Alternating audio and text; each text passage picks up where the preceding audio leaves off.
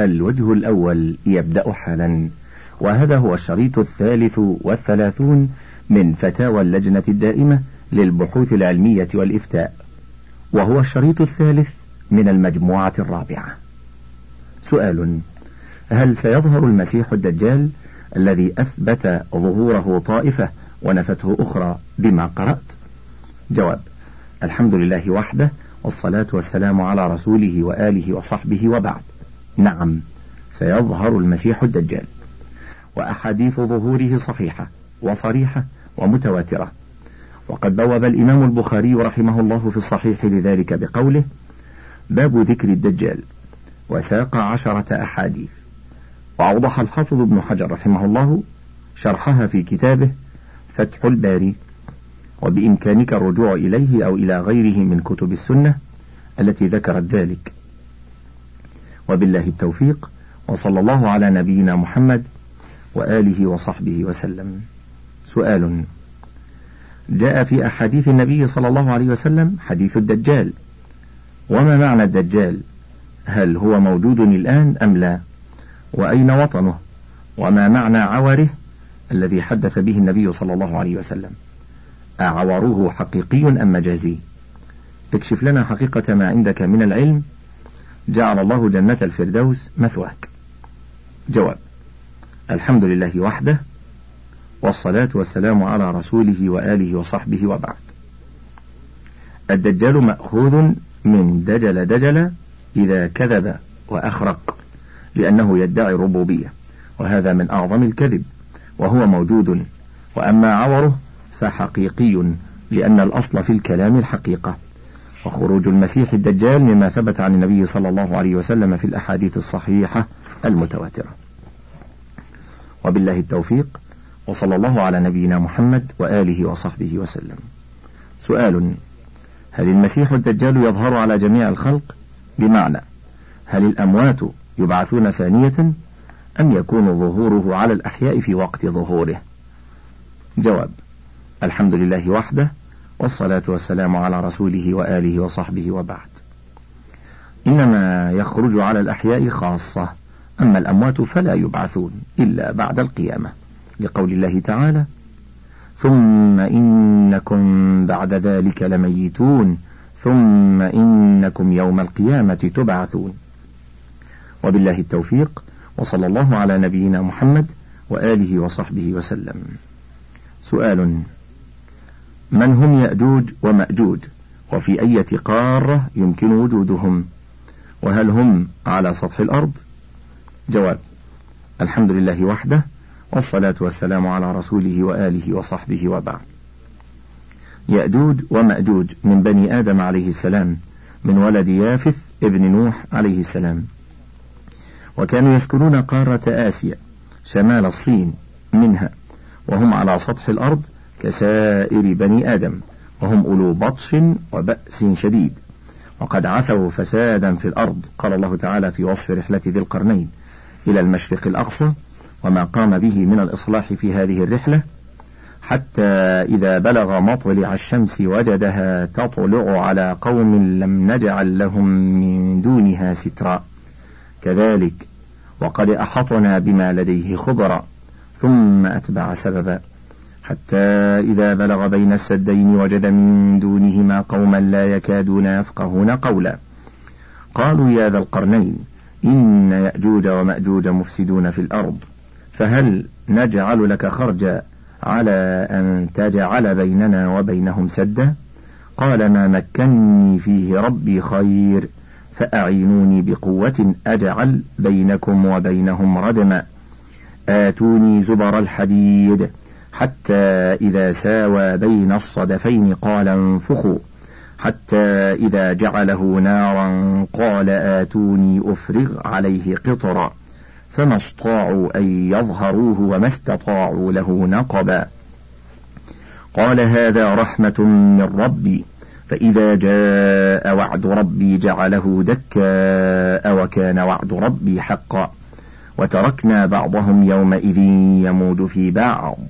ونفخ في الصور فجمعناهم جمعا. السدين جبلان بينهما واد. ومعنى خرج أي أجرى. زبر الحديد قطع الحديد. الصدفين جبلان بينهما واد. ومعنى أي يظهروه أي يعلوه ويتجاوزوه إلى الجانب الآخر. وبالله التوفيق وصلى الله على نبينا محمد وآله وصحبه وسلم. توحيد الأسماء والصفات. سؤال. تبارك اسم ربك أي تنزه وتقدس الله العظيم الجليل وكثرت خيراته وفاضت بركاته. سؤالي هنا. هو اسم الرب؟ هو الله. وهنا كلمة الله اسم علم للذات المقدسة ذات الله. وهنا المفسرون فسروا اسم الرب بذات الله الذات المقدسة. وهذا خطأ كبير وكفر. أرجو الجواب الصحيح من سورة الرحمن الآية السابعة والسبعين. جواب الحمد لله وحده والصلاة والسلام على رسوله وآله وصحبه وبعد.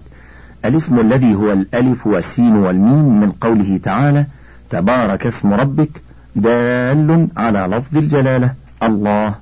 ونحوه من أسماء الله الحسنى التي سمى الله بها نفسه أو سماه بها رسوله صلى الله عليه وسلم والمقصود من لفظ الجلالة وما في معناه من أسمائه تعالى المسمى وهو ذات الرب بصفاته العليا فتبارك لفظ الجلالة وسائر أسمائه الحسنى تعظيم لمسمياتها وهي ذات الرب المتصفة بصفات الكمال. وليس تعظيما للاسم الذي هو الألف والسين والميم بل تعظيم وتنزيه للفظ الجلالة ومدلوله المقصود منه وهو ذات الرب بصفاتها. وكذا سائر أسمائه الثابتة له بالكتاب والسنة. وليست هذه الأسماء عين ذاته ولكنها دالة عليها. وعلى هذا يكون التنزيه لذات الرب أصالة وللدال عليها من لفظ الجلالة ونحوه تبعا. سؤال فسبح باسم ربك العظيم. أي فنزه يا محمد ربك عما أضاف إليه المشركون من صفات العجز والنقص. إلى آخره. سؤالي هنا أيضا هو نفس سؤالي رقم واحد. سورة الواقعة الآية الرابعة والسبعون. أي اسم الرب اسم علم للذات المقدسة. تفسيره بالذات المقدسة هل هو خطأ؟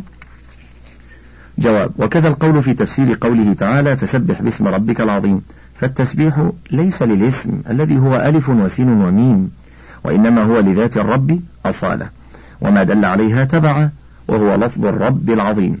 وليست كلمة الاسم ولا كلمة الرب عين ذات الرب سبحانه وتعالى. سؤال سبح اسم ربك الأعلى أي نزه يا محمد ربك العلي الكبير عن صفات النقص وعما يقوله الظالمون مما لا يكيف به سبحانه وتعالى ولا يليق به من النقائص والقبائح. سؤالي هو نفس السؤالين الأول والثاني سورة الأعلى الآية الأولى.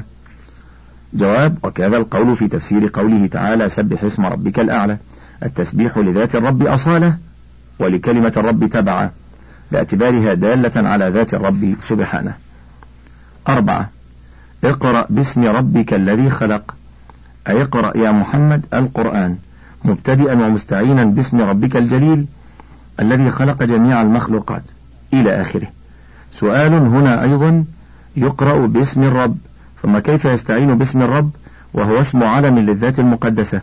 يجب أن يستعين بالرب لا باسمه الذي هو الله. أرجو الجواب الصحيح. جواب كذا القول في تفسير آية اقرأ باسم ربك الذي خلق. فليست الاستعانة بالاسم الذي هو الألف والسين والميم وإنما هي بلفظ الرب باعتبار المقصود منه وهو ذات الرب العلي الأعلى. فالابتداء بالقراءة والاستعانة فيها إنما هي بالرب نفسه سبحانه أصالة وبما دل عليه وهو كلمة الرب تبعا. سؤال قال الله إعراب لفظة الجلالة الله فقط. إني تعلمت في المدرسة أن إعراب كلمة الله لفظ الجلالة فاعل مرفوع بالضمة. لماذا؟ لكن لفظ الجلالة غير ذات الله أي الذات المقدسة. جواب لفظ الجلالة يعرب لأن الإعراب مما ينطق به أو يكتب أما مدلوله فلا يعرب لأنه ليس بلفظ بل هو الرب نفسه وهو المستعان به في القراءة وغيرها وهو الذي خلق كل شيء وخلق الإنسان وعلم بالقلم وعلم الإنسان ما لم يعلم دون الاسم بحروفه. ودون الجلالة فإنه لم يخلق شيئا ولم يعلم الإنسان ما لم يعلم. فالاسم بحروفه ولفظه الجلالة وكلمة الرب غير المسمى لأن المسمى ذات الرب بصفاته العليا. سؤال أضاف النصرة إلى اسم الله يومئذ يفرح المؤمنون بنصر الله. سورة الروم. سؤالي هنا شرح أو معنى اسم الله. ولماذا إضافة كلمة اسم إلى كلمة الله؟ فأصبح اسم الله. أرجو الجواب الصحيح. جواب. أضاف النصر إلى لفظ الجلالة وهو الله لأنه علم على مسماه وهو الذات المقدسة مع صفاتها وهو المقصود بلفظ الجلالة. ومنها النصر لا من الاسم وإنما عبر عنها بلفظ الجلالة لدلالته عليها لا لأنه عينها. ومما تقدم يتبين أن الصلاة وسائر العبادات لمسمى الرب لا لكلمة اسم ولا لكلمة الرب ولا للفظ الله. إنما يذكر لفظ الرب ولفظ الجلالة ليتوصل بذلك إلى المقصود وهو ذات الرب المقدسة ومسمى لفظ الجلالة. فأسماء الله الحسنى لا تراد لنفسها وإنما يعبر بها عن المقصود منها وهو مسماها فهو المعبود حقا أصالة عن طريق ذكر أسمائه الحسنى. وهو الذي يجزي كل نفس بما كسبت. وننصحك بقراءة ما كتبه العلامة الشيخ أحمد بن عبد الحليم ابن تيمية في مبحث الاسم والمسمى فإنه رحمه الله وفى المقام حقه. وبالله التوفيق وصلى الله على نبينا محمد وآله وصحبه وسلم. الفرق بين الاسم والصفة. سؤال. ما الفرق بين أسماء الله وصفاته؟ جواب الحمد لله وحده والصلاة والسلام على رسوله وآله وصحبه وبعد. أسماء الله كل ما دل على ذات الله مع صفات الكمال القائمة به مثل القادر العليم الحكيم السميع البصير. فإن هذه الأسماء دلت على ذات الله وعلى ما قام بها من العلم والحكمة والسمع والبصر. أما الصفات فهي نوعوت الكمال القائمة بالذات كالعلم والحكمة والسمع والبصر. فالاسم دل على أمرين والصفة دلت على أمر واحد. ويقال الاسم متضمن للصفة والصفة مستلزمة للاسم. ويجب الإيمان بكل ما ثبت منهما عن الله تعالى أو عن النبي صلى الله عليه وسلم على الوجه اللائق بالله سبحانه مع الإيمان بأنه سبحانه لا يشبه خلقه في شيء من صفاته كما أنه سبحانه لا يشبههم في ذاته لقوله تعالى قل هو الله أحد الله الصمد لم يلد ولم يولد ولم يكن له كفوا أحد وقوله سبحانه ليس كمثله شيء وهو السميع البصير وبالله التوفيق وصلى الله على نبينا محمد وآله وصحبه وسلم. جواز التسمي بالاسم المشترك. سؤال يسعدني أن أتحدث في رسالتي المتواضعة إلى سماحتكم فأنا أتحدث إلى واحد من أشهر الشخصيات الإسلامية في عالمنا الإسلامي وغيره وأرجو أن يتسع صدركم الكبير لقراءة هذه السطور. ولكم من الله جزيل الشكر والعرفان وجزاكم الله خيرا عنا. ذو الجلال والإكرام. اسم من أسماء الله الحسنى وهو تعظيم لله عن كل شيء وتنزيه له وقد قرأت لسماحتكم رسالة مرسلة إلى العاهل السعودي وكنتم قد بدأتموها بقولكم جلالة الملك. ألستم معي في أن الجلالة لله وحده؟ وأن الملك اسم من أسمائه الحسنى لا يجوز تسمية شخص بها أيا كانت صفته وشخصيته؟ فنرجو إيضاح ذلك من سماحتكم. حتى لا يقع المسلمون في إثم من جراء تنزيه الأشخاص بهذه الصفات التي اختصها الله لنفسه دون غيرها. اللهم إلا رؤوف رحيم صفة لسيدنا محمد صلى الله عليه وسلم. وفي نفس الوقت قدر أن يقع تحت يدي وأنا أتصفح في المجلة العربية في العدد التاسع والثمانين منها رسالة شكر من الأستاذ محمد النويصر رئيس المكتب الخاص للعاهل السعودي. إلى القائمين على إخراج المجلة. وهو يبدأ رسالته بقوله لقد تسلم جلالة مولاي حفظه الله خطابكم المرسل وبه أعداد المجلة. جواب الحمد لله وحده والصلاة والسلام على رسوله وآله وصحبه وبعد. إن كثيرا من الأسماء مشتركة بين الله تعالى وبين غيره من مخلوقاته في اللفظ والمعنى الكلي الذهني فتطلق على الله بمعنى يخصه تعالى ويليق بجلاله سبحانه وتطلق على المخلوق بمعنى يخصه ويليق بجلاله أو يليق به. فيقال مثلا الله حليم وإبراهيم الخليل عليه الصلاة والسلام حليم وليس حلم إبراهيم كحلم الله. والله رؤوف رحيم ومحمد صلى الله عليه وسلم رؤوف رحيم وليس رأفة محمد صلى الله عليه وسلم ورحمته كرأفة الله بخلقه ورحمته. والله تعالى جليل كريم ذو الجلال والإكرام على وجه الإطلاق. وكل نبي كريم جليل وليست جلالة كل نبي وكرمه كجلالة غيره من الأنبياء وكرمه ولا مثل جلال الله وكرمه. بل لكل من الجلالة والكرم ما يخصه. والله تعالى حي وكثير من مخلوقاته حي وليست حياتهم كحياة الله تعالى. والله سبحانه مولى رسوله محمد صلى الله عليه وسلم وجبريل صالح المؤمنين وليس ما لجبريل وصالح المؤمنين من ذلك مثل ما لله من الولاية والنصر لرسوله صلى الله عليه وسلم إلى غير ذلك من الأمثلة الكثيرة المذكورة في كتاب الله وسنة رسوله صلى الله عليه وسلم الثابتة عنه. ولا يلزم من ذلك تشبيه المخلوق بالخالق في الاسم أو الصفة وأسلوب الكلام وما احتف به من القرائن. يدل على الفرق بين ما لله من الكمال في أسمائه وصفاته وما للمخلوقات مما يخصهم من ذلك على وجه محدود يليق بهم. واقرأ ذلك في القرآن وسنة النبي صلى الله عليه وسلم مع التدبر وإمعان النظر. يتضح لك الأمر ويذهب عنك الإشكال بحول الله وقوته. ثم ارجع إلى ما ذكر شيخ الإسلام ابن تيمية رحمه الله في أول رسالة التدمرية فإنه وفى المقام حقه. وبالله التوفيق. وصلى الله على نبينا محمد وآله وصحبه وسلم. ترجمة أسماء الله. سؤال. أريد أن أقدم إليكم سؤالا قد اختلف العلماء فيه عندنا وهو مما علمنا من كتاب الله وسنة رسوله صلى الله عليه وسلم. أن صفات الله تبارك وتعالى توقيفية. فنثبت ما أثبته الله تعالى وننفي ما نفى الله تعالى ونسكت عما سكت عنه الله تعالى. إما في كتابه أو بلسان النبي صلى الله عليه وسلم. فهل يجوز أن يسمى الله بغير اسمه مثل خدا بالفارسية أو خداعي بالبشتو أو كاد جود بالإنجليزية وغيرها من الأسماء وهل يكون من ذكر الله أو من ذكره بغير اسمه الثابت في الكتاب والسنة ملحدا؟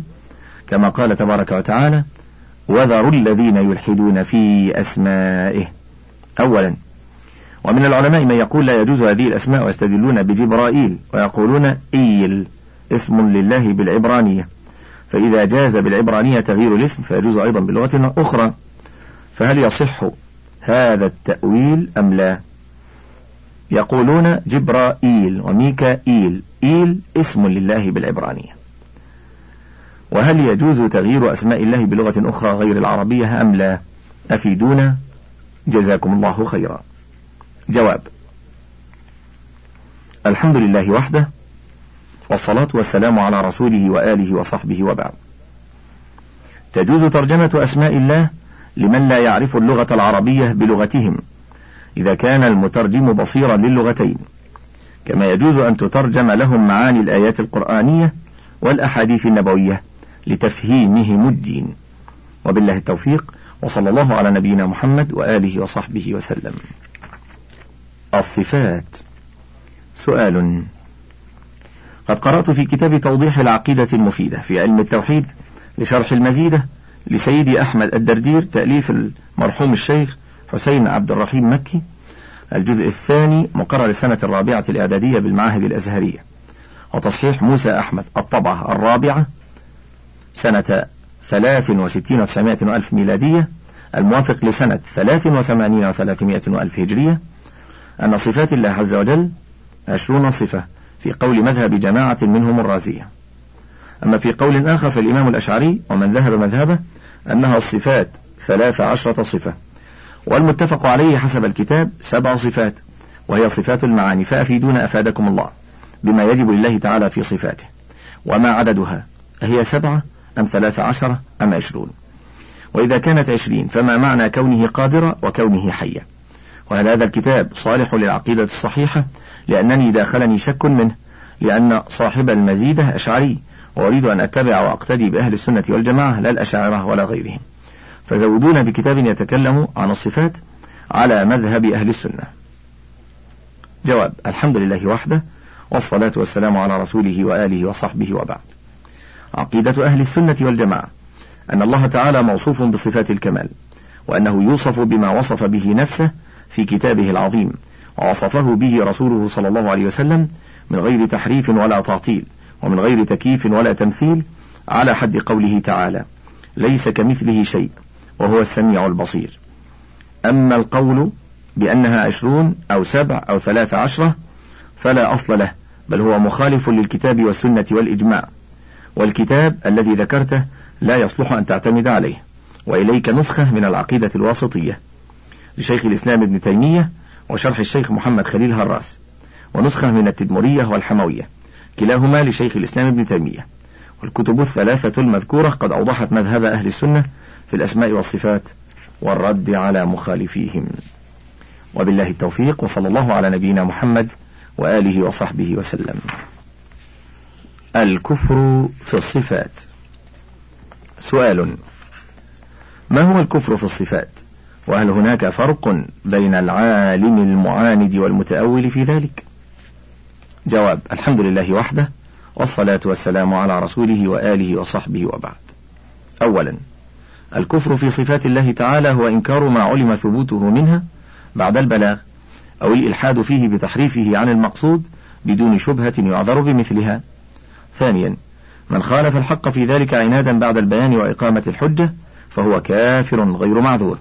ومن خالف في ذلك متأولا لشبهة يعذر بمثلها فهو مخطئ معذور. ويؤجر على اجتهاده. وبالله التوفيق وصلى الله على نبينا محمد وآله وصحبه وسلم. صفة المجيء. سؤال كما هو معروف لديكم الخلاف الواقع بين السلف والخلف في مسألة التأويل. ونحن إن شاء الله مع السلف فيما ذهبوا إليه. ولكن ورد علي سؤال حول الحديث الذي ذكره الشيخ ناصر الدين الألباني. عند قيامه بتحقيق الجامع الصغير وزيادته للحافظ السيوطي. ونص الحديث كما ورد أتاني الليلة ربي تبارك وتعالى في أحسن صورة. فقال يا محمد هل تدري فيما يختصم الملأ الأعلى؟ قلت لا. فوضع يده بين كتفي حتى وجدت بردها بين ثديي. فعلمت ما في السماوات وما في الأرض. الحديث رواه الترمذي وأحمد عن ابن عباس. والسؤال كيف يفسر هذا الإتيان؟ هل يفسر على حقيقته بأنه إتيان يليق بجلاله؟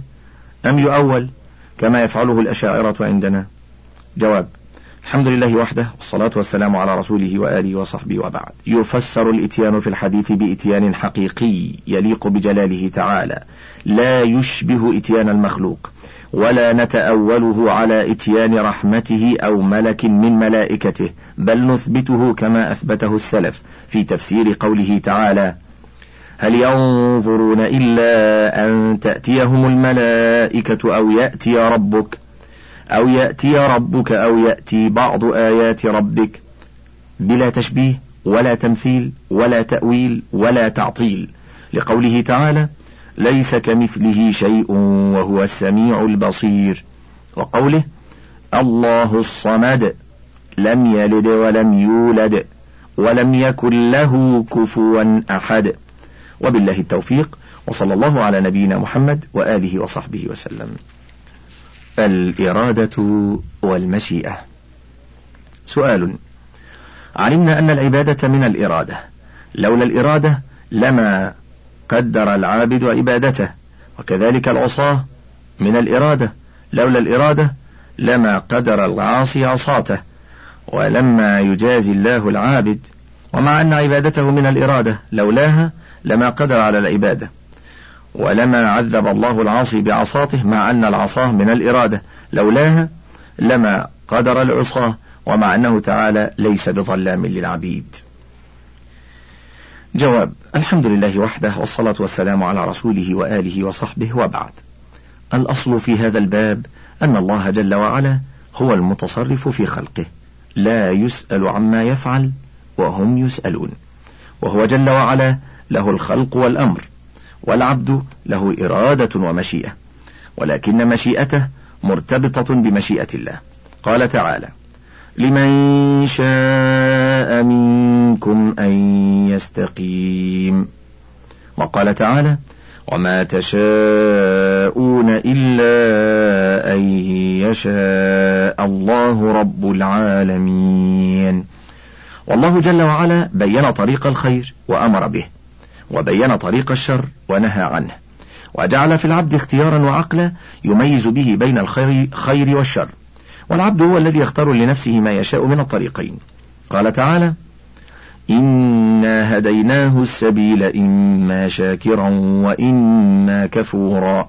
وقال تعالى وهديناه النجدين والخير الذي يصيب العبد من الله والسيئة التي تصيب العبد من نفسه. قال تعالى ما أصابك من حسنة فمن الله وما أصابك من سيئة فمن نفسك ومما تقدم تعلم أن العبادة التي تقع من العبد ويثيبه الله عليها من فضل الله على العبد وهي حاصلة بإرادته واختياره وأن المعصية التي تقع من العبد هي واقعة من نفس العبد وبإرادته واختياره وعقوبة الله للعبد على هذه المعصية هي واقعة بسبب من العبد لأنه باشرها وقد عامله الله بعدله في ذلك وكلتاهما وقعتا من العبد بمشيئة الله وقدره السابق وله في ذلك الحكمة البالغة وقد أوضح ذلك سبحانه بقوله أينما تكونوا يدرككم الموت ولو كنتم في بروج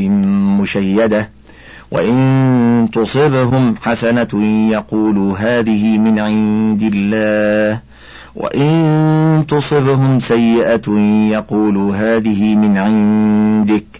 قل كل من عند الله. الآية.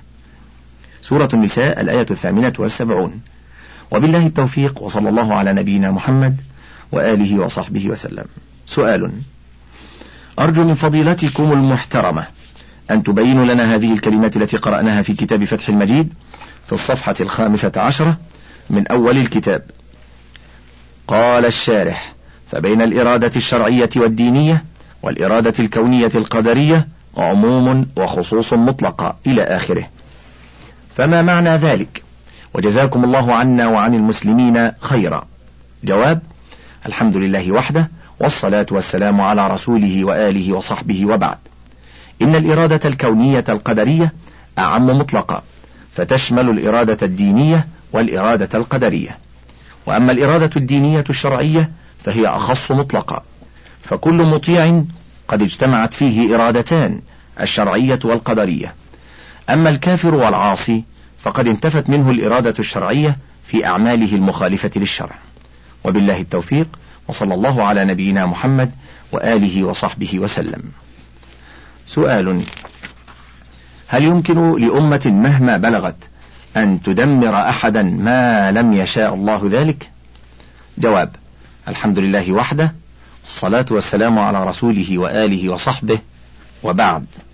لا تستطيع أمة مهما بلغت من القوة أن تدمر أحدا إلا إذا شاء الله ذلك. فلا يقع شيء في الكون إلا بإذنه وإرادته تعالى. كما قال في محكم التنزيل وما تشاءون إلا أن يشاء الله. إن الله كان عليما حكيما. وقال تعالى وما تشاءون إلا أن يشاء الله رب العالمين. سؤال هل يأثم إنسان إذا نسب إلى إنسان آخر كبير أو صغير؟ صفة من الصفات الخاصة بالله تعالى لتتابع الجواب.